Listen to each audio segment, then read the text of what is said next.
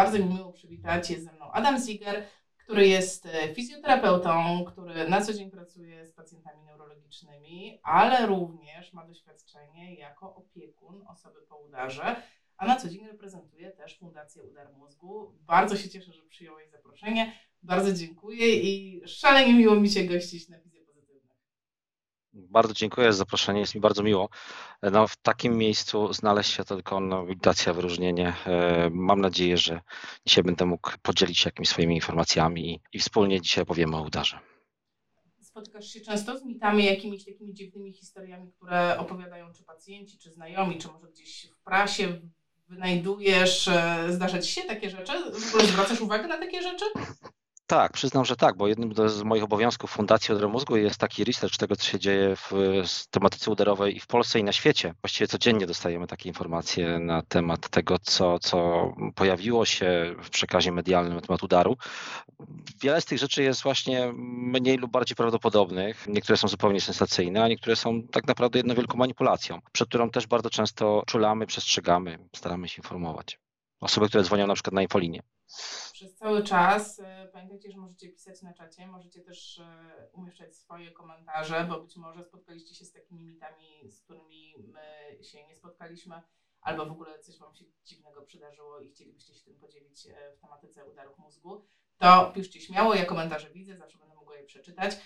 Tymczasem wiesz, co powiesz na temat takiego mitu, z którym ja bardzo często, może nie bardzo często, ale rzeczywiście spotykałam się u siebie w praktyce zawodowej, że no zasadniczo udar mózgu, kogo to obchodzi? No Adam, przecież no co, no serio, jesteśmy młodzi, sprawni, no cóż ten udar może nam zrobić? Większość osób i tak nie będzie go miała.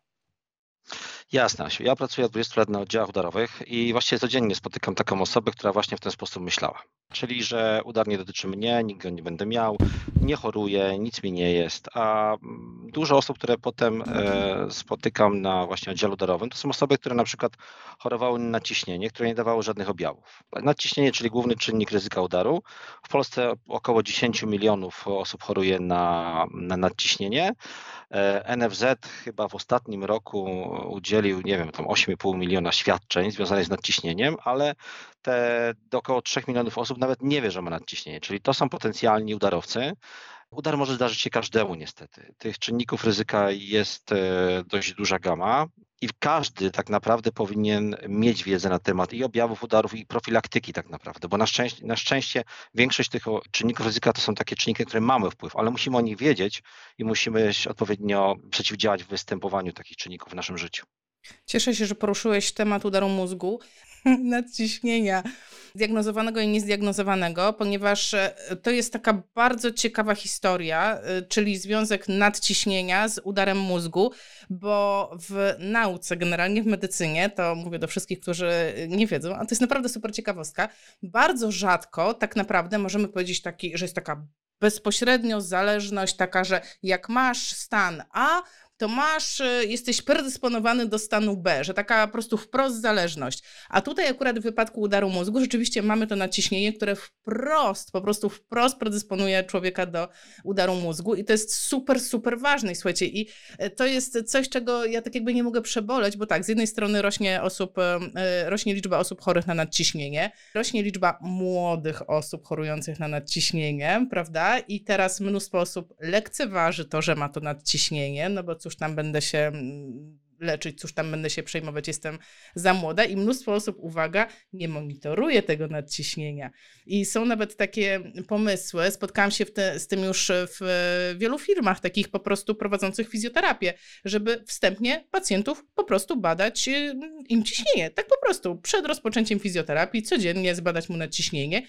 I ośrodki, które to wprowadziły, mówią, wiesz Saśka, my naprawdę wychwytujemy tych pacjentów i naprawdę ich wysyłamy do e, kardiologów, do lekarzy i oni po prostu podejmują leczenie. Co ty myślisz o tym? Taki szalony pomysł. Nie rozmawialiśmy ja uważam, o tym. Nie, nie, uważam, że to jest bardzo dobry pomysł i bardzo ważny i my jako środowisko fizjoterapeutów powinniśmy za nim bardzo mocno optować i to powinno być jedno z podstawowych badań przed rozpoczęciem fizjoterapii. Ja muszę Ci powiedzieć, że w środowisku jest także e, jeszcze jeden pomysł, żebyśmy my jako fizjoterapeuci mogli też monitorować prostymi narzędziami ewentualne migotanie przedsionków, jednym z rodzajów arytmii. ponieważ migotanie przedsionków jest ważnym czynnikiem ryzyka udaru. Są już narzędzia, które w którym możemy się posiłkować przy wykrywaniu. Oczywiście nie zrobimy holtera EG, ale są już e, prostsze urządzenia, które moglibyśmy w swojej pracy również przed podjęciem terapii zastosować i wspomóc e, ten proces wykrywania migotania przedsionków. Już o takich e, badaniach czy inicjatywach słyszałem i bardzo będę je popierał. Jako fundacja na pewno będziemy za tym optowali. Rewelacja. Ja jestem jak najbardziej za. Ewa pisze na czacie, że robi to, czyli mierzy nadciśnienie, znaczy mierzy Super. ciśnienie po prostu pacjentom. Dajcie Super. znać, czy to robicie. Dajcie znać, czy mierzycie ciśnienie pacjentom. To jest takie proste. Wszyscy mamy praktycznie w gabinecie ciśnieniomierze, to nie jest żaden problem, to trwa minutę. A można naprawdę zrobić coś dobrego dla e, tych ludzi można uratować ich życie tak naprawdę, bo nadciśnienie w wielu sytuacjach nie boli i ludzie dlatego nie, nie leczą się, bo nie wiedzą, że coś im dolega. Dopiero dowiadują się, jak już lądują na oddziale udarowym i wtedy my podłączamy ciśnienie z monitora centralnego i wtedy się okazuje, że mam nieleczone nadciśnienie, mam cukrzycę, o której nic nie wiedziałam i mam od tego dnia w swoim życiu ogromnie dużo problemów, które mogłabym uniknąć. Dokładnie. I tak płynnie przechodzimy do następnego mitu i to jest, wiesz, to jest dla mnie przerażające, bo moje doświadczenie, akurat to jest takie moje doświadczenie, że spotkałam się z osobami również ze środowiska medycznego, które w momencie, jak dostały udar, i podkreślam, to nie była jedna osoba, to było więcej osób niż jedna, e, postanowiły poleżeć i zaczekać, aż przejdzie. I w ogóle takie podejście, a nie wzywajmy pogotowia, mm, zaczekajmy, a prześpij się, a pewnie to nic nie znaczy. To jest coś, co mam wrażenie, że się zdarza i jest to totalnie szkodliwy mit. I ja jestem w szoku, wiesz, ponieważ mam wrażenie, że ze wszystkich stron bombarduje się ludzi informacjami z tym hasłem, z którym idzie fundacja, też, e, prawda, czas, że liczy się czas, że ten czas jest taki najważniejszy. A mimo to wciąż pokutuje takie coś, nie no, poleż, odpocznij, zaczekamy, co się wydarzy.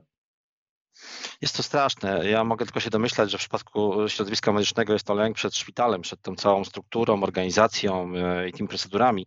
Natomiast czegoś takiego nie powinno być. Taka świadomość, że mamy 4,5 godziny na to, żeby podać nowoczesne leczenie, jakby uratować życie i potem zdrowie, pewne możliwość występowania niepełnosprawności, to powinno być coś, co powinno być nauczane w szkołach. Z tego powinien być egzamin. Nie będzie można przejść z klasy do klasy, dopóki się nie wyśpiewa e, objawów udaru i tego, co trzeba zrobić. I tu jeszcze dużo do, do zrobienia przed nami, dużo się już zrobiło, ale cały czas jeszcze chyba nie mamy takiego go, no, wyraźnego przeświadczenia, że w momencie wystąpienia takich objawów, jakie są przy udarze, to po prostu liczą się, liczy każda minuta. A jakie jest mm, Twoje doświadczenie? Czy większość osób zna objawy udaru? Bo ja myślę, że to może być taki, taki lęk wśród ludzi, że ojej, wezmę to pogotowie zupełnie niepotrzebnie, będą się złościli, obciążą mnie kosztami, no a co tam. Y, na jakie objawy ty zwracasz uwagę, na jakie objawy ty rekomendujesz po prostu takie, nie wiem, jakieś podstawowe, żeby wyryć i, nie wiem, nauczyć dziecko, nauczyć znajomych, bo to jest taka ta misja, którą my możemy robić. Ja wszystkim mówię, nie jestem ciekawa, czy się do tego przychylisz, że ja wszystkim mówię, weźcie, zakładajcie konta na Instagramie, edukujcie. Jest wciąż za mało edukacji. Nam się wydaje, że każdy wie, jak się objawia udar, a okazuje się, że nie. To tak, jest dużo do zrobienia e, wśród osób, które jakby mm, poruszają się w mediach społecznościowych, w tym nowoczesnym elektronicznym przekazie, to ta wiedza może jest większa, ale jest duża grupa osób, mimo wszystko, których jeszcze, mm, których jeszcze nie ma w mediach społecznościowych, to są starsi ludzie, którzy też nie mają takiego dostępu, nie jest ta wiedza im przekazywana w bezpośredni sposób. I tutaj cały czas trzeba prowadzić kampanię. My, trzy lata temu chyba zrobiliśmy takie ogólnopolskie badanie, trzy albo cztery lata temu, ogólnopolskie badanie na temat, co ludzie wiedzą o udarach. Ono nie wypadło źle, bo tam chyba 40, prawie 5% ludzi znało wyniki, e, znało objawy udaru, co naprawdę mówiliśmy, że, że nie jest złym wynikiem. Jest to punkt wyjścia do tego, żeby tą wiedzę poszerzać. Natomiast bardzo dużo jest do zrobienia w tej grupie, powiedzmy, 40-60. My oceniamy, że to powinna być ta grupa odbiorcza. Coraz więcej młodych ludzi wie, jakie są objawy udaru, ale cały czas mamy problem z tą grupą właśnie 40-60, gdzie ten, powinniśmy fokusować naszą komunikację do nich. Czego byś się zalecał uczyć ich? Jeżeli byśmy mieli teraz, załóżmy, e, są osoby tutaj z nami na pewno, które mają konta na Instagramie, które mają fanpage, to co byś polecił, żeby na co położyli nacisk? Które objawy są najważniejsze, żeby rozpoznać udar na tyle, żeby wezwać karetkę?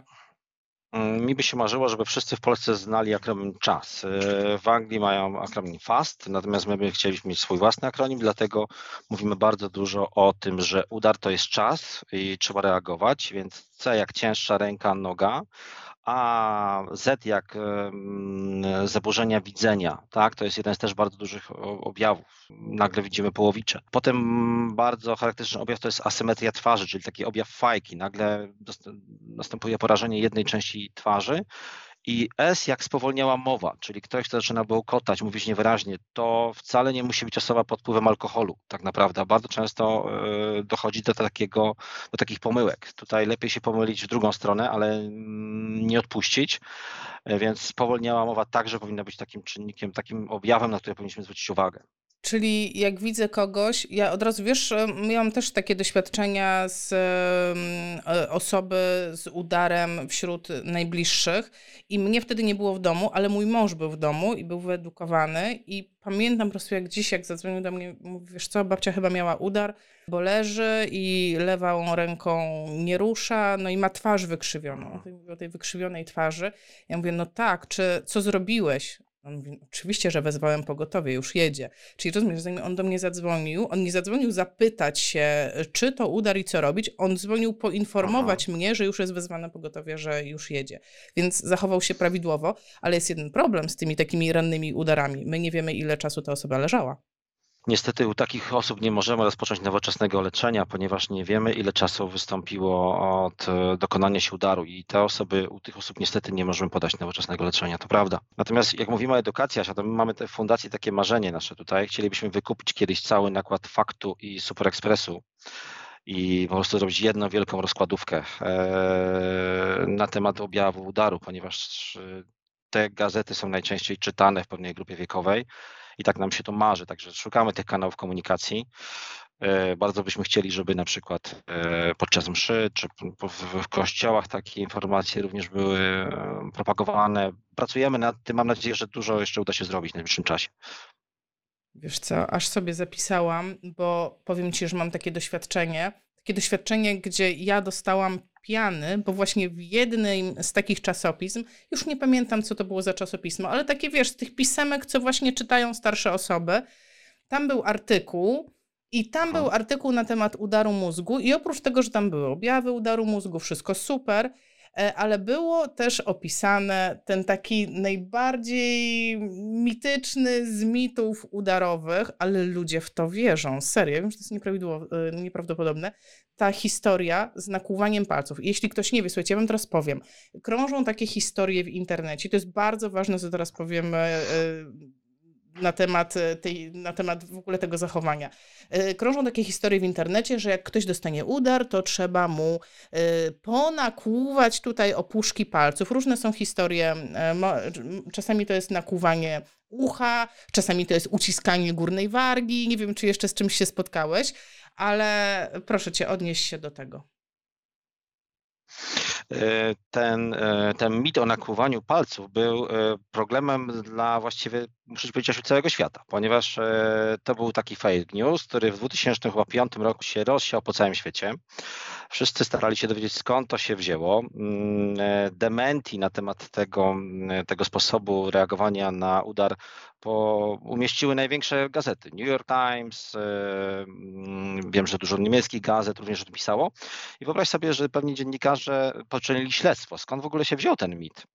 I okazało się, że e, w 2005 roku powstało, e, zrobiono badanie w takim chińskim ośrodku Tenjin, tylko to badanie dotyczyło mm, osób, które mm, były już zdiagnozowane na udar, które były zaopiekowane i które już były w szpitalu i im e, nakłuwano 12 punktów na dłoni, i obserwowano, że to podobno miało spowodować zwiększenie ciśnienia krwi i z, e, polepszenie funkcji poznawczych. Ja tak sobie myślę, że jakby mi ktoś nakłuł 12 punktów na dłoni, też moje ciśnienie by wzrosło.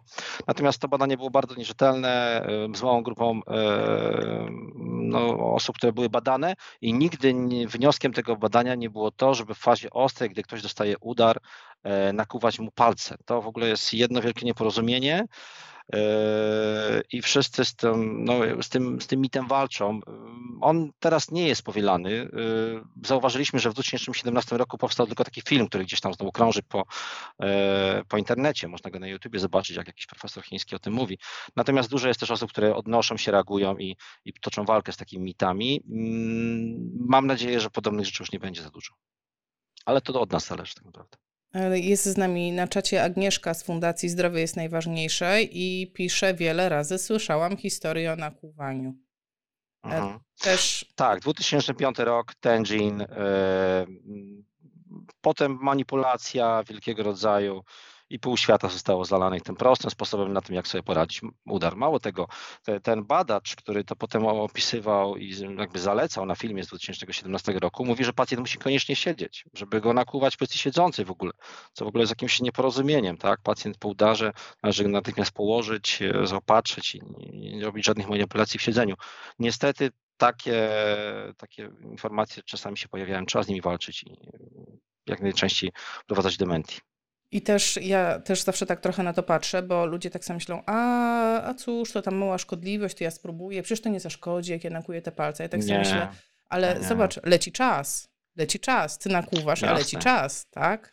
Jasne, to jest źródło zakażenia, to jest następna sprawa, leci czas, a my powinniśmy jak najszybciej e, powiadomić pogotowie. Pogotowie w Polsce jest coraz lepiej zorganizowane i e, zawsze hasło udar powoduje, że jest nadawany odpowiedni kod reakcji e, i naprawdę my, jeśli chodzi o tą sieć oddziałów udarowych i sposobu postępowania z pacjentami w fazie ostrej, nie powinniśmy mieć żadnych kompleksów odnośnie tego, co się dzieje na świecie.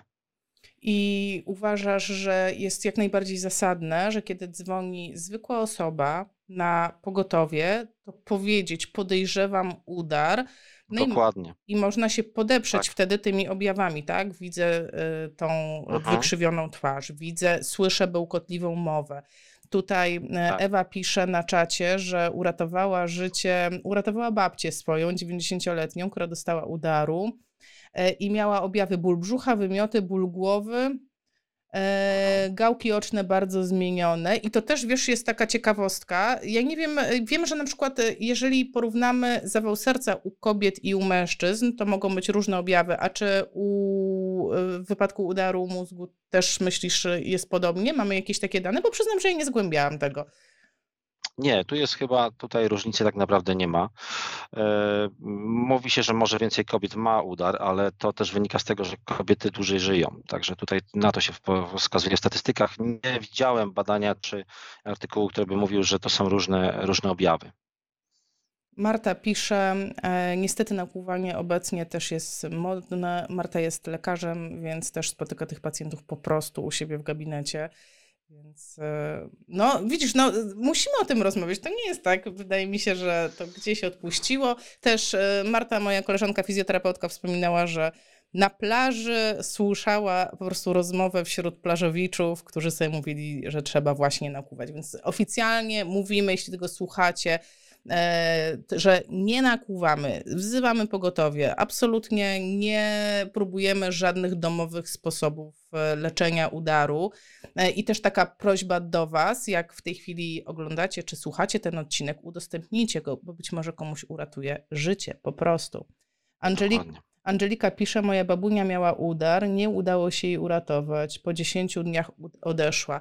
I to też jest ważna informacja, bo bardzo y, dużo osób umiera, prawda? To nie jest tak, że 100%, y, w 100% udar jest wyleczalny. Nie, oczywiście to jest wiele czynników, które wpływają na to, czy jaka jest przeżywalność. E, są różne statystyki. My mówimy od 10 do 30% e, ludzi e, umiera na skutek udaru. Natomiast też umierają może nie na sam skutek udaru, ale na skutek powikłań udarowych, czyli zapalenia płuc, zapalenia mózgu i innych schorzeń, które niestety też są, występują u osób starszych szczególnie, które dostają udar. No, a jak już ktoś dostał tego udaru, wiesz, z czym się znowu często spotykam? I to już jest chyba takie, no nie chcę powiedzieć nagminne, ale bardzo, bardzo często się z tym spotykam, że ja dostaję dużo takich wiadomości albo telefonów, tak? Aśka, ktoś tam miał z mojego otoczenia udar, chciałbym załatwić mu jak najszybciej rehabilitację, czyli w domyśle, że już teraz natychmiast niech przyjdzie jakiś fizjoterapeuta z zewnątrz do szpitala i niech zacznie ćwiczyć, bo to jest takie super ważne, żeby zacząć ćwiczyć, ćwiczyć tu i teraz. Mm, odnieś się do tego, proszę, To ze wszystkich mit. stron. Mhm. Jasne, Asiu, to niestety jest mit. Ja powiem, y, jakiego rodzaju to są problemy. Po pierwsze, y, na oddział y, wczesnoudarowy nie wolno wpuszczać osób z zewnątrz, ponieważ jest to niezgodne z prawem. Tak, ja wierzę w to, że wszystkie oddziały udarowe, na których trafiają osoby po udarze, na większości w Polsce trafiają chyba już teraz na 76, 76% osób z udarami w Polsce trafia na oddziały udarowe. To też jest naprawdę niezłym rezultatem, jeśli chodzi o Europę. E, I na tych oddziałach udarowych e, muszą być zatrudnieni, wykwalifikowani fizjoterapeuci. E, Wymogiem NFZ-u jest to, mam nadzieję, że wszędzie to jest respektowane, że mm, jeden fizjoterapeuta ma pod sobą, pod opieką pięciu, pięć osób po udarze. I musi poświęcić odpowiednią ilość czasu. Zalecana jest praca interwałowa. E, I wtedy nie ma takiej możliwości, żebyśmy na nasz oddział wpuścili fizjoterapeutę z zewnątrz, który może nie mieć odpowiednich kwalifikacji, a w ogóle się nie może pojawić tam prawnie, bo co się dzieje wtedy, kiedy na przykład rodzina zatrudnia fizjoterapeutę, ktoś albo nie zauważy, że on wszedł, albo nie daj Boże się na to zgodzi, a taki fizjoterapeuta spowoduje, że komuś się złamie rękę, nogę, podwichnie bark, e, w trakcie e, terapii dojdzie do jakiegoś zatoru, zatoru płucnego. Nie ma takiej możliwości. Proszę trochę zaufać fizjoterapeutom, którzy pracują na oddziałach udarowych. E, mamy procedury, które obowiązują nas wszystkich i powinniśmy się z nich wywiązywać. Zachęcam do tego, żeby prosić o kontakt z fizjoterapeutami, żeby rodzina utrzymywała kontakt nie tylko z lekarzem, który jest prowadzącym, ale również z fizjoterapeutami. Każdy oddział powinien taki kontakt udostępnić, a fizjoterapeuta powinien mieć czas i możliwości, żeby z taką rodziną, która jest zainteresowana postępem fizjoterapii, porozmawiać, ponieważ odpowiednio dobrana fizjoterapia może pomóc, a odpowiednio źle dobrana fizjoterapia może zaszkodzić. To jest bardzo taki trudny czas, ostra faza udaru, gdzie ta terapia naprawdę powinna być bardzo dobrze, precyzyjnie dostosowana do możliwości chorego.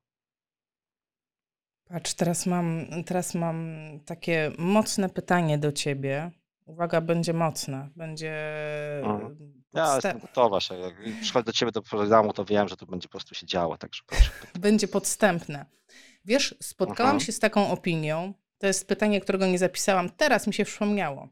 E, być może też Marta, która jest na czacie, e, nam pomoże.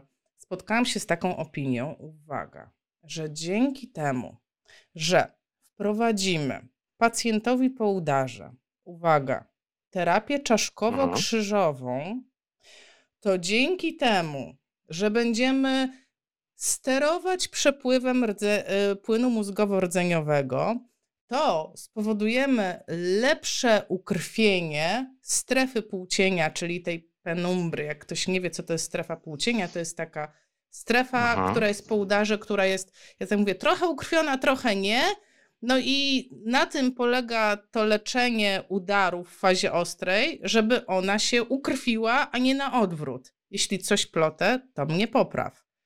I teraz, że właśnie powinniśmy taką osobę poddać wszystkim takim terapiom mm, manualnym, wspomagającym krążenie krwi i krążenie płynu mózgowo-rdzeniowego.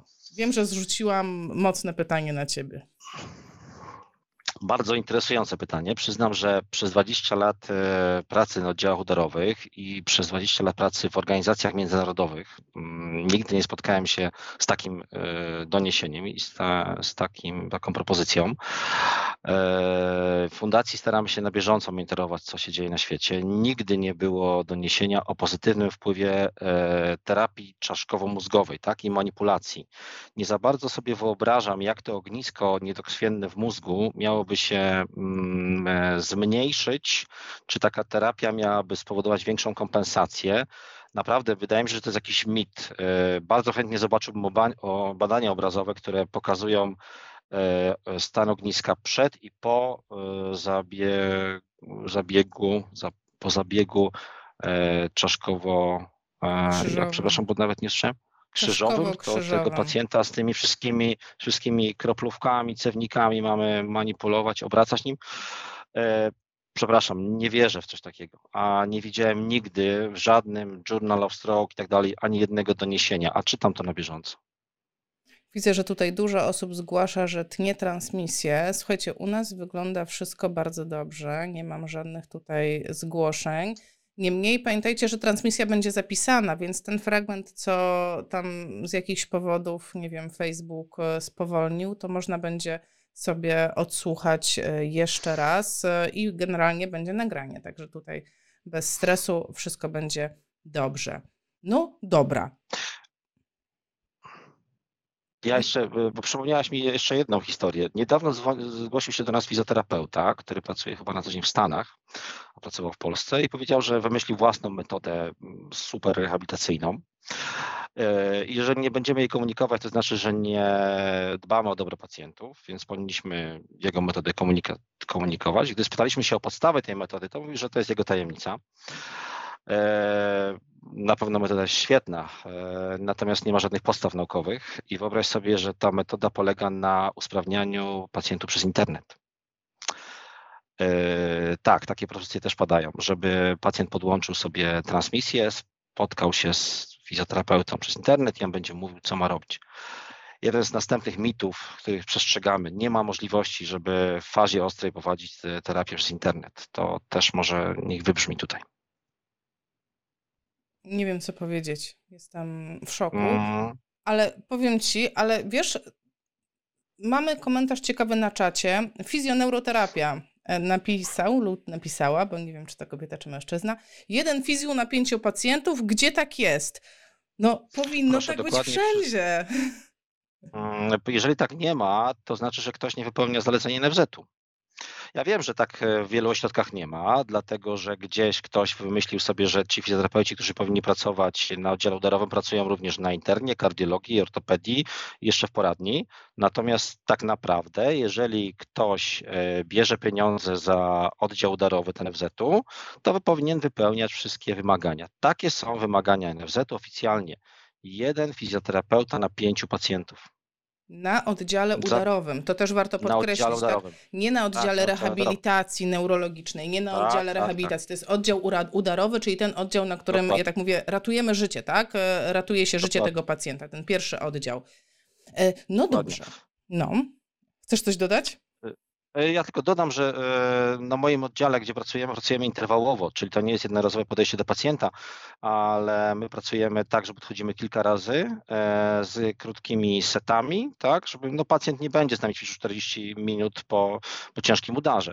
Więc rozkładamy tą pracę i nasi pacjenci właściwie są zaopiekowani cały czas. Oni mają takie wrażenie, że cały czas coś, coś się dzieje. To jest kwestia odpowiedniego ustawienia pracy na oddziale odorowym i, i mam nadzieję, że kiedyś to uda nam się zunifikować. I z punktu widzenia praktyka, mówisz, że to się da zrobić? Serio? Tak, to się da zrobić, tylko musi być zespół i musi być szef, który będzie chciał tak zorganizować pracę.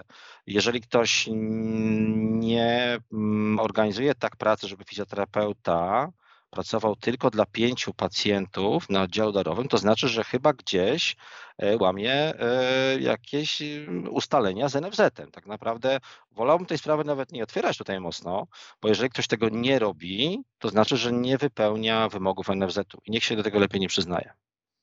Tak, i po prostu, problem. tak to zostawimy. Ja wiedziałam, że będą po prostu same tak. mocne piłki leciały tutaj, no i tak się dzieje. No dobra, mhm. okej, okay. mamy pacjenta na oddziale ma e, jest to oddział, który ma tych e, tylu fizjoterapeutów, ile trzeba. Każdy ma pięciu swoich pacjentów, wszystko jest dobrze zarządzane.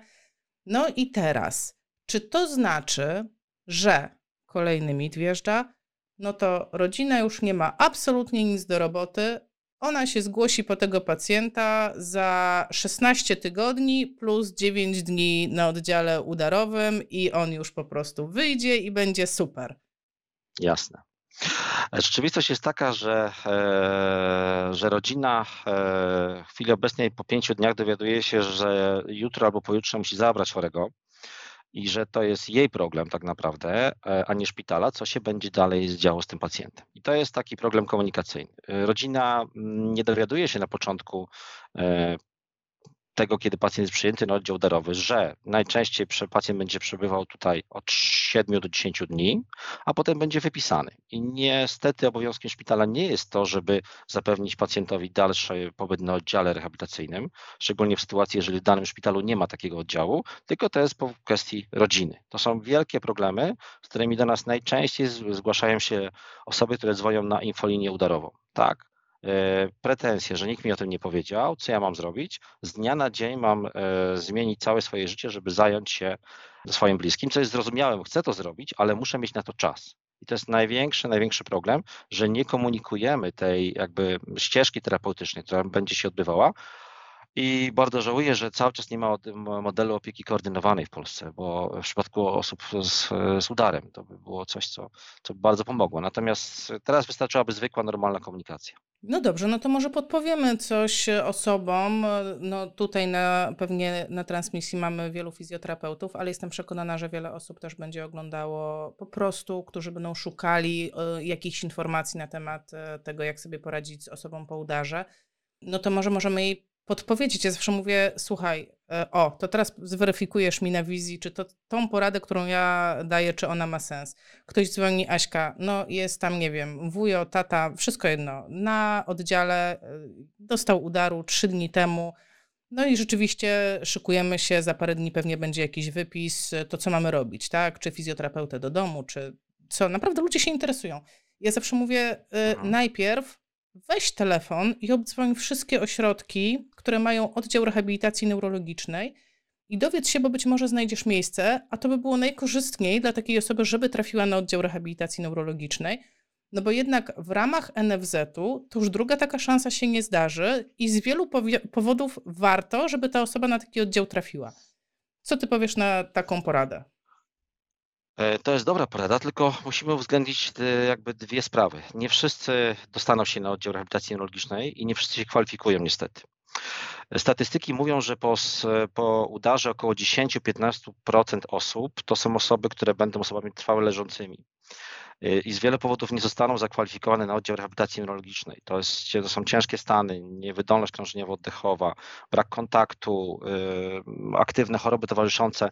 Takie osoby niestety nie będą mogły być przyjęte na oddział rehabilitacji neurologicznej w takim kształcie, jak on teraz wygląda, bo no, nie wiem, czy wiesz, że na oddział rehabilitacji neurologicznej nie mogą być przyjmowane również osoby, które mają rurkę tracheotomijną albo mają PEK, założony. I to jest problem.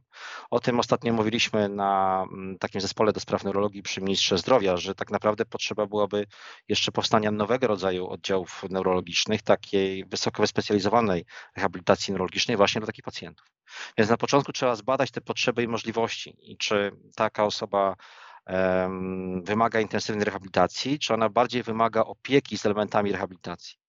I w tym momencie, jeżeli to ustalimy, to będziemy mogli pokierować taką osobę, czy to jest wtedy mm, e, portal terminy leczenia NFZ, tam można znaleźć właściwie wszystkie miejsca, e, wszystkie ośrodki, które mają umowę z NFZ-em, czy to jest e, bardzo trudna decyzja, która musi być podjęta, i jeżeli nie mamy możliwości zajmowania się tym naszym bliskim w domu, to wtedy szukamy miejsca, gdzie będzie miał zapewnioną opiekę z elementami rehabilitacji. I chciałbym troszkę odczarować tę taką niedobrą legendę z Zoli. One oczywiście to są trudne miejsca. Ja sam miałem bardzo bliską osobę w zakładzie opiekuńczo-leczniczym, ale, yy, ale nie mam złych doświadczeń z tymi miejscami. To są po prostu miejsca dedykowane takim osobom w takim stanie, yy, które w domu nie mogą mieć takiej opieki. Także tutaj jest yy, dokładna analiza tego, co może być zrobione, jakie są możliwości mm, i kto może je spełnić. Ja powiem szczerze, dodam jeszcze więcej na temat Zoli, że moje doświadczenie z fizjoterapeutami pracującymi w Zolach jest niezwykle pozytywne. To są osoby tak po prostu zaangażowane, bo to jest ciężka praca. Ja śmiem twierdzić, że to jest cięż, cięższa praca niż e, oddział rehabilitacji neurologicznej, gdzie mamy dużo Dokładnie. czasu, mamy możliwości, mamy Dokładnie. sprzęty. Tego wszystkiego nie ma w Zolach a mimo to Aha. te osoby chcą y, i niejednokrotnie robią bardzo dobrą robotę, także jak jesteście tutaj e, zatrudnieni w Zolach, to wielki szacun, chylę czoła i no, byle tak dalej i niech, niech wam się wiedzie i niech nam wszystkim się wiedzie.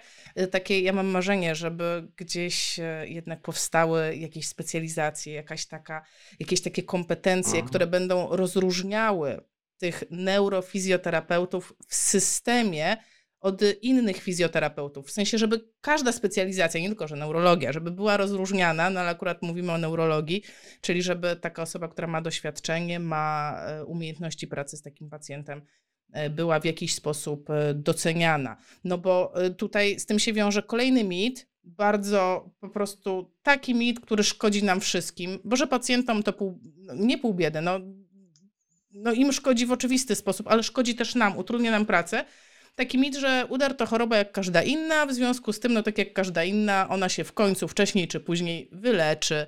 Czy to będzie trzy miesiące? To są takie, wiesz, oczekiwania też troszeczkę rodziny, dlatego ja już zaczęłam od tego, że no to zostawimy tego pacjenta na trzy miesiące czy cztery na oddziale rehabilitacji neurologicznej. Ja miałam często takie przypadki w pracy. Odbierzemy ją za cztery miesiące i ona już będzie całkiem sprawna. Tak, to jest kwestia komunikacji, Jasiu, którą musimy zbudować z rodziną tak naprawdę i powiedzieć, jakie są e, perspektywy i możliwości, e, jakie tutaj widzimy tak naprawdę mm, czynniki prognostyczne do tego, żeby przewidzieć pewne rzeczy. Ja staram się mm, dokładnie poinformować rodzinę, co jest realnie do osiągnięcia w najbliższym czasie, a co nie jest realnie do osiągnięcia. I trzeba się po prostu nastawić na czasami długą podróż, długą drogę mm, i na różnego rodzaju przeciwności tak, y, ale to powinna być jasna, szczera komunikacja. Myślę, że wtedy wszystkim będzie łatwiej, kiedy właśnie taką informację przekażemy. Natomiast ja też chylę czoła dla fizjoterapeutów z zakładów opiekuńczo-leczniczych. E, czasami naprawdę te osoby dokonują cudów. E, w przypadku pacjentów, których, przepraszam, powiem y, brutalnie, nikt nie chce tak? Oni to są najcięższe osoby w najcięższych stanach, z największymi komplikacjami, które po prostu już nigdzie nie mogą trafić, a ci ludzie z, z zakładów opiekuńczo-leczniczych czasami robią cuda. Także wielki szacunek, serdecznie pozdrawiam Oborniki Śląskie. Byłem na jakimś kursie ostatnio z, z fizjoterapeutami z Obornik. Jesteście po prostu wspaniali, także przepraszam, trochę się wzruszyłem. Justyna na czacie pyta, dobre pytanie zadała, e, czy pacjenci, mm, ci z e, rurką tracheostomijną czy z PEGiem, czy oni nie są rozliczani na zwykłych oddziałach rehabilitacji neurologicznej, nie, czy o co jest, chodzi? Proza życia, Asia.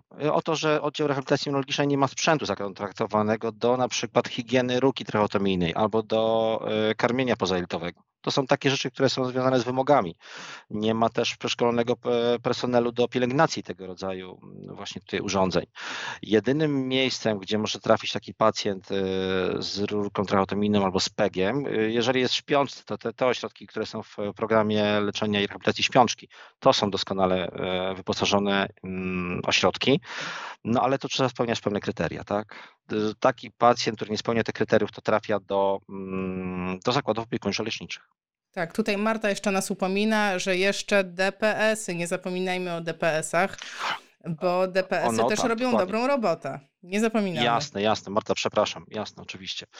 Natomiast w DPS-ach chyba ten stan pacjenta musi być lepszy niż w ZOL, tak mi się wydaje, prawda? Jeśli się mylę, to proszę mnie poprawić, ale e, w DPS-ach pacjenci chyba w większości muszą być osobami chodzącymi, ale mogę się mylić, przepraszam, mogę nie wiedzieć. Pewnie zależy też od e, zasad w DPS-ie i no tak, tak mi się wydaje. Jasne. Indywidualnie. Ale wiesz, tutaj napisała ciekawy komentarz Jolanta, że okres oczekiwania na leczenie jest bardzo długi, zarówno w szpitalu, jak i w warunkach domowych. No a co z tym wymogiem, że żeby się dostać na oddział rehabilitacji neurologicznej, to nie może upłynąć więcej niż miesiąc od momentu wyjścia ze szpitala? Odnieś się do tego. Jasne. Y, wiele jest takich różnych teoretyzmów, które nie mają nic wspólnego z rzeczywistością i to jest ogromny problem. Natomiast to, przepraszam, ale nikogo chyba nie obchodzi, y, co się stanie ze mną albo z moim bliskim, jeżeli się nie zmieszczę w tym oknie. Tak, to jest mój pech, trudno. Tych oddziałów faktycznie jest za mało w stosunku do, do, do potrzeb, do ilości. I ja też zawsze, jak rozmawiam z rodziną w tej fazie ostrej, jak też proszę, żeby rozważyć mm, złożenie wniosku o przyznanie grupy niepełnosprawności. Bo nie wiem, czy my wiemy, ale osoby ze znacznym stopniem niepełnosprawności mają jakby więcej możliwości. Oni na przykład mogą korzystać z oddziału rehabilitacji neurologicznej nie tylko raz w roku. Mogą składać tę prośbę o przyjęcie e, częściej niż raz w roku. Więc to, o tym od razu mówimy. Natomiast nie ma tutaj złotego jakiegoś środku, który spowoduje, że, że, ty, że po prostu to miejsce będzie na nas czekało. Nie będzie. Musimy je szukać czasami w, nawet w sąsiednich województwach. No właśnie. Proszę pamiętać, że nie ma rejonizacji. No właśnie, to jest bardzo ważna informacja dla mnie, dlatego że ja tak radzę, radzę rodzinom, radzę opiekunom, że szukajcie, dzwońcie, bo bardzo często to miejsce mhm. gdzieś się w końcu znajdzie. Jak będziecie dostatecznie wytrwali, nie liczcie na to, że ktoś w tym szpitalu siądzie i będzie pół dnia siedział na telefonie, żeby wydzwonić wam miejsce w ośrodku, bo prawdopodobnie tak nie będzie. Nikt na to nie ma czasu, zasobów i tak dalej. Rzadko to się zdarza. Są takie ośrodki, gdzieś e, nawet chyba w Gdańsku słyszałem, że przy jednym ze szpitali właśnie jest taki koordynator. To, to jest ewenement na skalę e, ogólnopolską, że to szpital poszukuje aktywnie takiego miejsca. Nie ma takiego obowiązku, nie musi tego robić. E, pracownik socjalny szpitala najczęściej szuka takich miejsc w zakładach opiekuńczo-leczniczych dla osób, które nie mają rodziny. A jeżeli jest tylko rodzina, pojawia się, to wtedy już to ona jest tutaj zaangażowana do tego, żeby szukać takich miejsc. Chyba, że pacjent jest w ośrodku, w którym jest e, oddział rehabilitacji neurologicznej, no to jest duża sprawa. To wtedy jest łatwiej. A czy to jest prawda? Bo też z taką opinią się e, spotkałam, z takim twierdzeniem, tak, że jeżeli pacjent nie skorzysta z, tych, z tego pobytu na oddziale wczesnym, tak, na wczesnej, e, z tego programu wczesnej rehabilitacji, no to de facto y, od razu staje się, tak w cudzysłowie, pacjentem przewlekłym.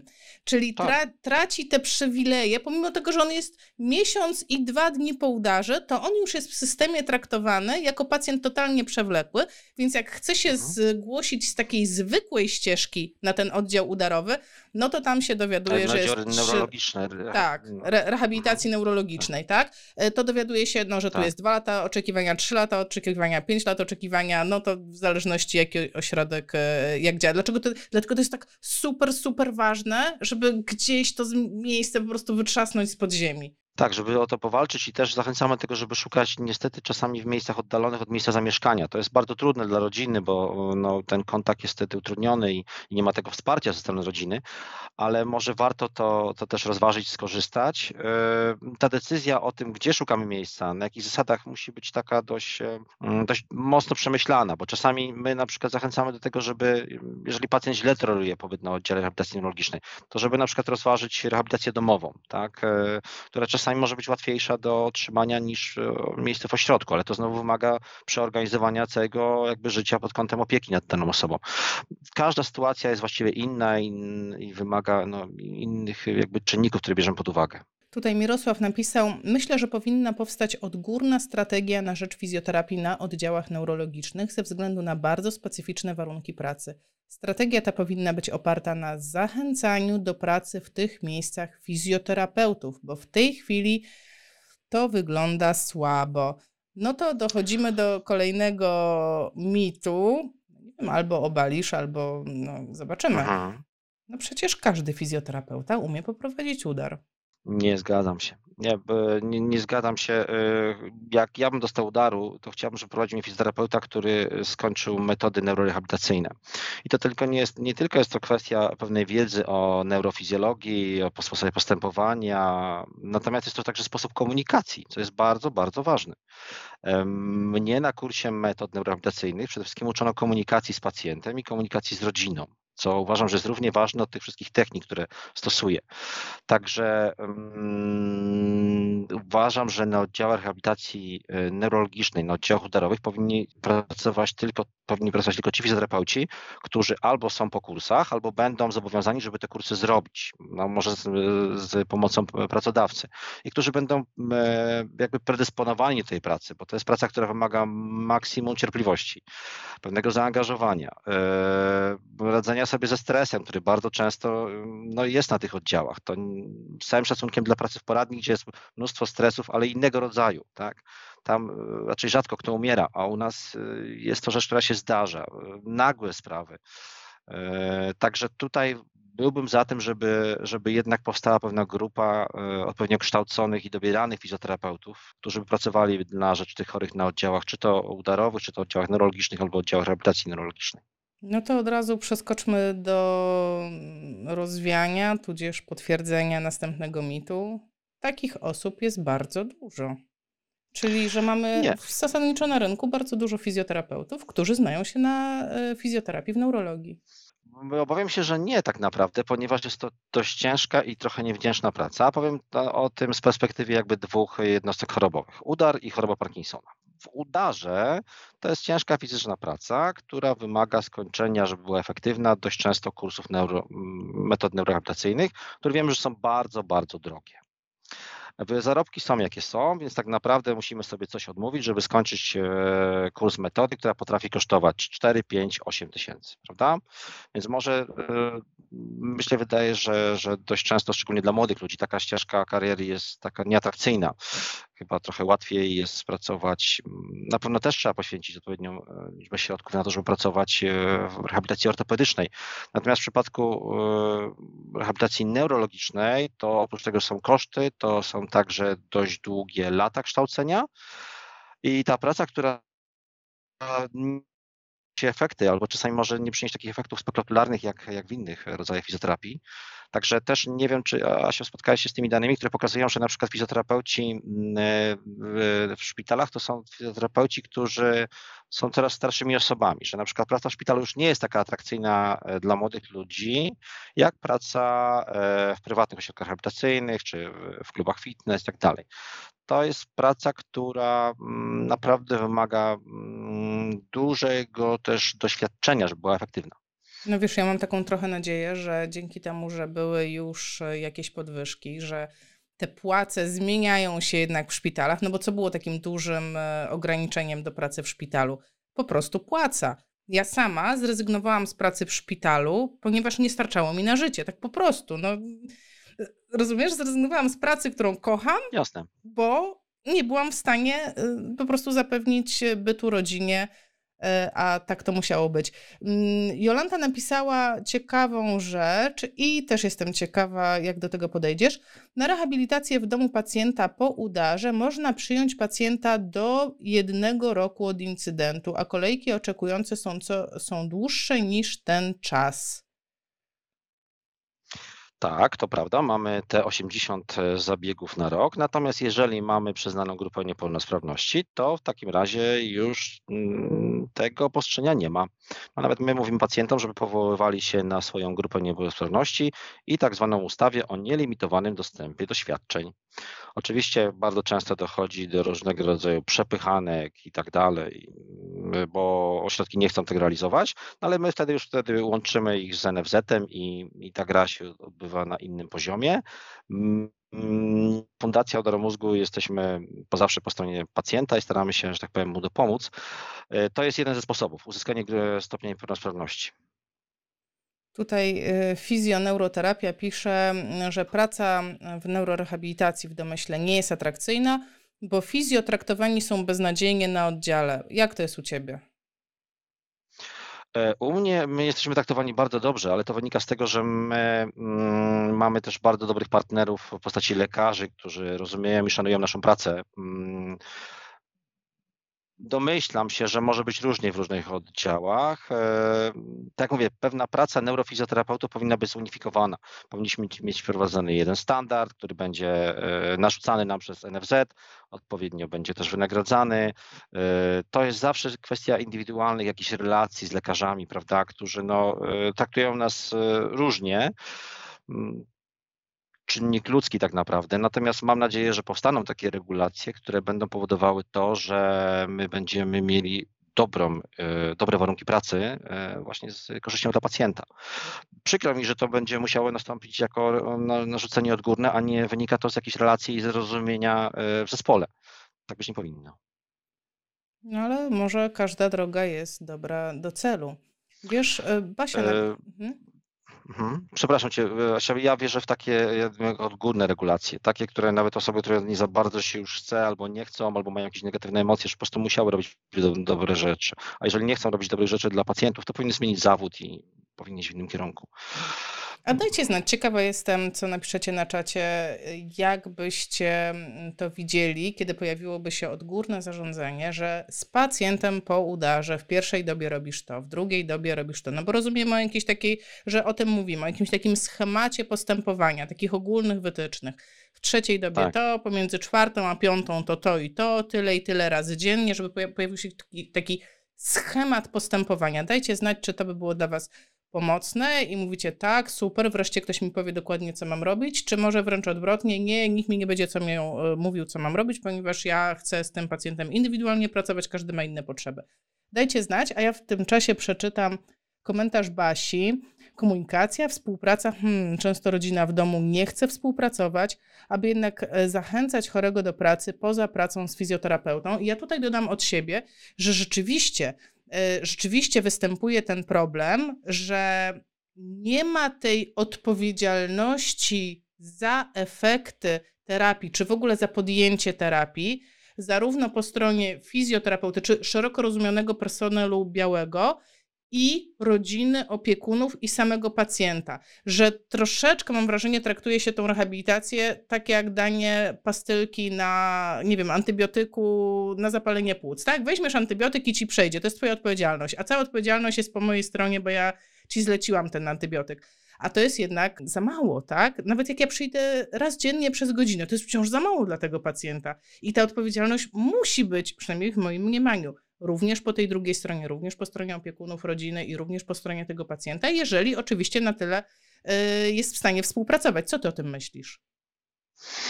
Ja się zgadzam się z tą, natomiast to jest bardzo skomplikowana sytuacja, sprawa. E, w całej sytuacji najbardziej chyba cierpi ten pacjent, ponieważ pewnie różne odczucia go otaczają. Czasami jest to rezygnacja po jakimś czasie, jak nie ma wyników e, tej terapii, prawda? Myślę, że to najbardziej ten pacjent jest frustrowany. Rodzina oczywiście również. Nie ma tutaj takiego, takiego złotego środka. To jest znowa ta, znowu według mnie ta komunikacja, gdzie stawiamy na początku pewne jakby założenia w tej terapii. Pytamy się, halo, czy wy chcecie w tym aktywnie uczestniczyć, czy chcecie być tylko biernymi obserwatorami i coś robić dla podtrzymania jakiegoś efektu, czy chcecie być dla nas partnerami partnerami, a my Wam pokażemy, jak to zrobić. Tak? E, bardzo trudna układanka e, wieloczynnikowa, mm, natomiast zawsze miałbym tego pacjenta, który jest jakby pomiędzy nami i rodziną, jakbym na nim się fokusował. Chociaż znowu powiem, że praca w domu pacjentach, na domówkach, to też jest bardzo trudny kawałek chleba. Przepraszam, z całym szacunkiem. Moja praca, mimo że praca na oddziale z osobami ciężko chorymi jest chyba troszkę łatwiejsza niż wasza praca na domówkach, bo ja mam pewne rzeczy poukładane. E, mam partnerów, którzy pracują w moim zespole, a wy jedziecie właściwie tak jak trochę mm, interwencyjna policja. Nie wiecie do kogo, gdzie i z kim będziecie pracować, w jakich warunkach. Także tutaj też wielki szacunek dla e, fizjoterapeutów, którzy pracują na domówkach z ciężkimi pacjentami, a to chyba w większości też są panie z tego, co, co mi się wydaje. Mm, to mogą być bardzo trudne sytuacje. Tak, ja potwierdzam, rzeczywiście tak jest, ale, ale jest też druga strona medalu, zawsze to będę podkreślać. Najwięcej w swoim życiu, i teraz mówię całkowicie po prostu takie moje wewnętrzne doświadczenie, najwięcej w życiu doświadczenia i takiej głębokiej życiowej mądrości zdobyłam właśnie u pacjentów w domu, gdzie niejako wchodzisz w tą rodzinę. Nie chcę powiedzieć, że stajesz się jej częścią, ale troszkę tak mhm. jest, bo spędzasz tam bardzo dużo czasu i patrzysz, jak oni e, sobie radzą z tą sytuacją. I oczywiście są tacy, którzy kompletnie sobie z tym nie radzą, i właśnie są te sytuacje, o których piszemy tutaj na czacie, że nie chcą współpracować, wszystko jest po naszej stronie. Ale ja na przykład na swojej drodze spotkałam przecudowne rodziny, które potrafiły e, po prostu tak jakby wchłonąć tą chorą osobę i dostosować ją do rytmu rodziny, zmienić ten rytm pod nią i to było tak nieprawdopodobne doświadczenie. To było doświadczenie, którego na przykład ja nie mam szansy zdobyć w domu, no bo nie mieliśmy takich sytuacji w domu. Mało kto ma taką sytuację w domu, że masz doświadczenie, co to znaczy się opiekować kimś ciężko chorym. I ja to doświadczenie na przykład zdobyłam u pacjentów i to było coś no po prostu niepraw- nieprawdopodobnego, uskrzydlającego i właśnie mam, mam takie bardzo, bardzo, bardzo dobre doświadczenia. Nie wiem, czy ty spotkałeś się z czymś takim, że po prostu pacjenci uskrzydlają cię i, i uczą, jak, jak żyć. Zobacz, kiedy jest głębokie. E, wiesz co, tak, ja y, pracowałem przez wiele lat w praktyce prywatnej i trafiłem na wiele fantastycznych rodzin, które, y, które chyba no, przemoldowały całe swoje życie dla tego chorego i to były fantastyczne historie. Natomiast pracowałem też jako y, fizjoterapeuta z pacjentami e, z SM-em, E, w ramach jakiegoś projektu PTSR-u e, z pacjentami, do których nikt nie chciał chodzić, e, którzy nie mieli rodziny, e, którzy mieszkali w najgorszych rejonach miast, w których pracowałem i to muszę się powiedzieć, że był bardzo taki dla mnie przykry moment, e, bo wiem, że jeżeli nie ma tego wsparcia rodziny, nie ma tego supportu, ja mogę słować na głowie, podskakiwać i niestety nic nie, nie mogę zrobić. Dlatego ta nasza praca to jest wieloczynnikowa układanka, żeby prowadziła do jakiegoś sukcesu. Każdemu życzę kochającej rodziny i takich partnerów, czy, czy dzieci, czy opiekunów, którzy go wesprą w tej, w tej terapii. Mm, bez nich my cudów nie zrobimy tak naprawdę. Zgadzam no. się. Zgadzam się. Kiedyś czytałam takie badania, które porównywały rehabilitację na oddziale rehabilitacji neurologicznej z rehabilitacją prowadzoną w warunkach domowych. To były jakieś skandynawskie badania i im wyszło w tych badaniach, że zasadniczo to wszystko jedno. Efekty były podobne pod warunkiem, że w ramach rehabilitacji domowej jesteśmy w stanie zapewnić temu pacjentowi tyle opieki, ile by uzyskał na oddziale rehabilitacji neurologicznej. Czyli to nie tylko, że ja raz dziennie Aha. przyjdę, ale jednak będzie tam neurologopeda, będzie tam neuropsycholog, tak? A tymczasem, a tymczasem na czacie mamy podzielone opinie, wiesz, na przykład Mirek pisze, że nie zgadza się z ogólnymi wytycznymi, pacjenci są tak różni, że schemat mógłby zaszkodzić. Znowu Dzitka pisze, bardzo dobrze, gdyby były mhm. wytyczne. A, a się, to zależy, co, właśnie wiesz co, to zależy, co my rozumiemy przez kwestie wytyczne, bo ja byłbym za tym, żeby ta autonomia została bardzo duża, ale może spytajmy się, czy może Mirek podzielił moje zdanie, czy na przykład, e, nie wiem, obowiązek tego, żeby pacjenci byli sadzani do posiłków, tak, żeby, żeby nie byli karmieni należąco. Czy to jest coś, co, co byłoby dla nas jakąś umową? Nie, uważam, że każdy fizjoterapeuta na oddziale odorowym powinien codziennie rano iść i posadzić pacjenta. Obowiązkiem powinno być to, że praca powinna być interwałowa, czyli to nie jest jedno podejście i kończymy, tak? Tylko co najmniej cztery podejścia. To jest następny punkt. Następny punkt to jest obowiązek kontaktu, umożliwienia kontaktu z rodziną. Czyli każdy fizjoterapeuta w pewnych godzinach musiał być dostępny dla rodziny. Tak?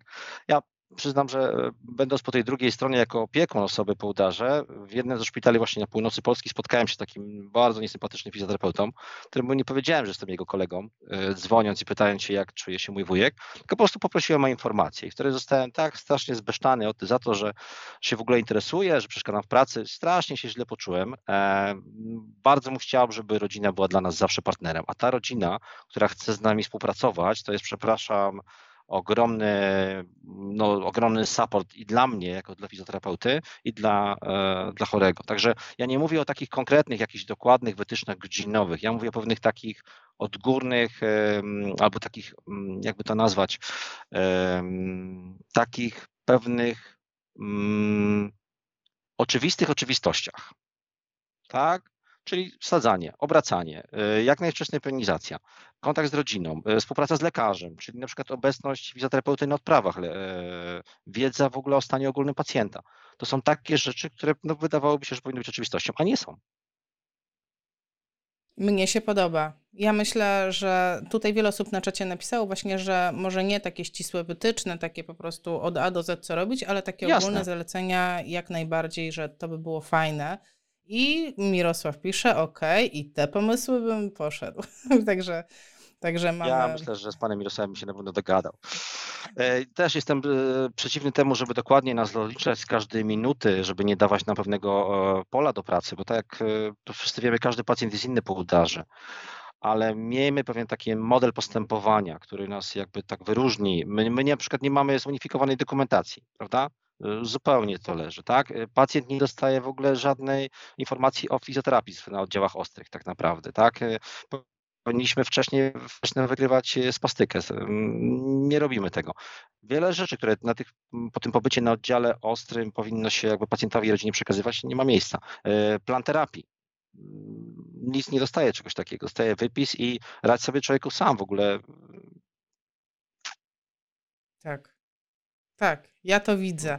A powiedz mi, tak już, ponieważ nie wiem, czy wiesz, już rozmawiamy godzinę, chciałabym tak za, zacumować bym chciała, gdyby słuchały nas osoby, czy fizjoterapeuci, czy pacjenci i tak sobie myślą, kurczę, oni mówią ciekawe rzeczy. Chciałbym znaleźć podstawę prawną do tych rzeczy. Tutaj Alicja się pytała o te 80 wizyt w roku, o możliwość zwiększenia ilości tych wizyt dla osób z orzeczeniem e, ze stopniem niepełnosprawności, co to ma być za stopień. to gdzie szukać takich jakichś twardych dokumentów, które mogą być taką kartą przetargową właśnie, kiedy, nie wiem, toczymy małe wojenki z jakimiś tam enzozami czy innymi podmiotami leczniczymi, czy może właśnie dzwonić do Fundacji Udar Mózgu na infolinię, nie wiem, czy tak. wiecie, że jest infolinia Fundacji Udar Mózgu i po prostu dopytywać się, bo właśnie no, wy takie rzeczy robicie i to jest dla mnie niesamowite. Ja mówię, wiesz, ile ludzi nie wie, że jest infolinia dla osób po udarze. Wiecie, wiedzieliście, napiszcie mi proszę na czacie, ile osób z Was tutaj będących jest w tej chwili na transmisji na żywo? 115 osób. Ile z Was wie o tym, że jest infolinia e, Fundacji Udar Mózgu? E, już nie pytam, kto zna numer, bo nie trzeba znać numeru. Jak już wiesz, że jest infolinia, to sobie wygooglujesz, tak? Wy napiszcie, Jasne. a ty mi powiedz, co ty uważasz na temat e, udzielania informacji. E, Asiu, my zawsze zapraszamy właśnie do, do nas na infolinię, ponieważ mm, każda sprawa wymaga jakby indywidualnego podejścia. To wynika z tego, że w Polsce nie jedna instytucja zajmuje się chorymi i niepełnosprawnymi. Są to trzy różne instytucje, które ze sobą nie zawsze współpracują i mają zupełnie inne e, wytyczne działań. Także zawsze w takiej sytuacji zapraszamy do nas e, z problemem i my wskażemy, e, na jaki punkt, na jaki paragraf, na jakie rozporządzenie się powołać, jeżeli ktoś by chciał mm, podjąć pewną dyskusję e, z decydentami.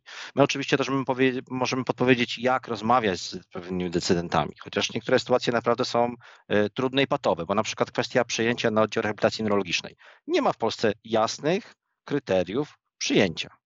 I gdybyście Państwo przewertowali wszystkie rozporządzenia NFZ-u, to będzie z tym pewien problem, tak? Albo na przykład jeden model przyjęcia, e, który jest w niektórych e, oddziałach obowiązuje, mm, obowiązuje przyjęcie na podstawie dokumentacji, w niektórych trzeba przyjechać na kwalifikacje, do niektórych trzeba wysłać filmy. To w ogóle jest jakieś mega nieporozumienie i tutaj zawsze w takiej sytuacji E, odsyłamy do regionalnego NFZ-u, jeżeli powstaje pewien konflikt. Na początku staramy się podpowiedzieć, jak nie, w ogóle nie prowokować konfliktów, a jak nawiązać dialog z decydentami, ale są takie sytuacje, kiedy musimy powołać się tutaj e, i poprosić o arbitraż NFZ-u. Także zapraszamy na, na, naszą infolinię. A czy podasz numer? Znasz z pamięci? Tak. E, e, tak, wydaje mi się, że chyba znam. E, 605 647 700. E, pracujemy od poniedziałku do piątku, od 10 do 18 oraz w soboty od 11 do 15. Ja tutaj... Jeżeli nie możemy odbierać, zawsze odzwaniamy. Przepraszam się. Ja pod filmem czy pod podcastem specjalnie poprosiłam, żebyś wypowiedział te słowa, ponieważ materiał trafi na podcast i niektórzy nie będą nas Aha. widzieli e, i gdzieś tam w słuchawkach będą słuchać, to już będą mogli sobie w jakiś sposób ten telefon wklepać e, w, swój, w swoją książkę adresową, a ja tutaj pod tym nagraniem oczywiście umieszczę link do fundacji i umieszczę Wam link do infolinii, żeby zawsze można było do tego wrócić.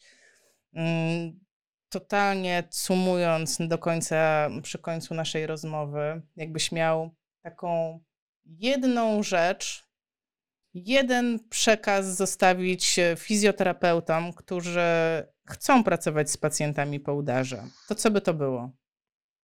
Mm, to jest taka informacja, że, mm, że oni robią naprawdę fantastyczną i bardzo potrzebną rzecz. I taka, taka, mm, taki mój apel, żeby wytrwać i żeby tak samo często jak ćwiczyć, także i rozmawiać z pacjentami i żeby mm, dawać im pewną taką nadzieję, bo tak mi się wydaje, że to jest takim naszą też taką rolą, żeby zbudować tą nadzieję na to, że to życie się nie kończy po udarze, ale że po prostu jest trzeba je trochę przemeblować i żeby trochę się w tym nowym mieszkaniu urządzić, a my jesteśmy od tego, żeby w tym pomóc. Także prosiłbym o to, żeby, żeby w tym wytrwać i mm, żeby dawać tą nadzieję, bo, bo to jest bardzo ważna rzecz. Przychylam się do tego. Wytrwajcie, dawajmy nadzieję i ja też tak mówię, bądźmy tą miłą częścią dnia dla osoby po udarze. Zgodzisz się z tym, żeby to nie było stresujące. O matko, przyszedł on, znowu będzie ciężko, znowu będzie beznadziejnie, tylko żeby, o kurczę, ale fajnie, tak. przyszedł on. To, to, to, to ta jedna z tych miłych osób. Tak, to jest to ta osoba, która zawsze wyciągnie z łóżka. E, spróbujemy dojść do tego najważniejszego miejsca na oddziale. My wiemy, jakie to jest miejsce, prawda? E, nikt nas tam nie zaprowadzi, tylko fizjoterapeuta, więc to jest nasz najlepszy koleżka. E, niech tak będzie, niech tak zostanie. Bardzo Ci dziękuję. Zapraszam Was e, do udostępniania tego materiału. Niech wiele osób wie, jak ważna jest rehabilitacja po udarze i jak ważna jest znajomość w ogóle tematyki udaru. Adam, bardzo Ci dziękuję. Oczywiście niezmiennie zapraszam do programu. Bardzo dziękuję, że spędziłeś z nami wieczór i życzę. Ja bardzo dziękuję. Tylko i wyłącznie pozytywnych zmian w systemie na rzecz e, pacjentów po udarze i neurorehabilitacji. Bardzo dziękuję. Serdecznie pozdrawiam. Cześć.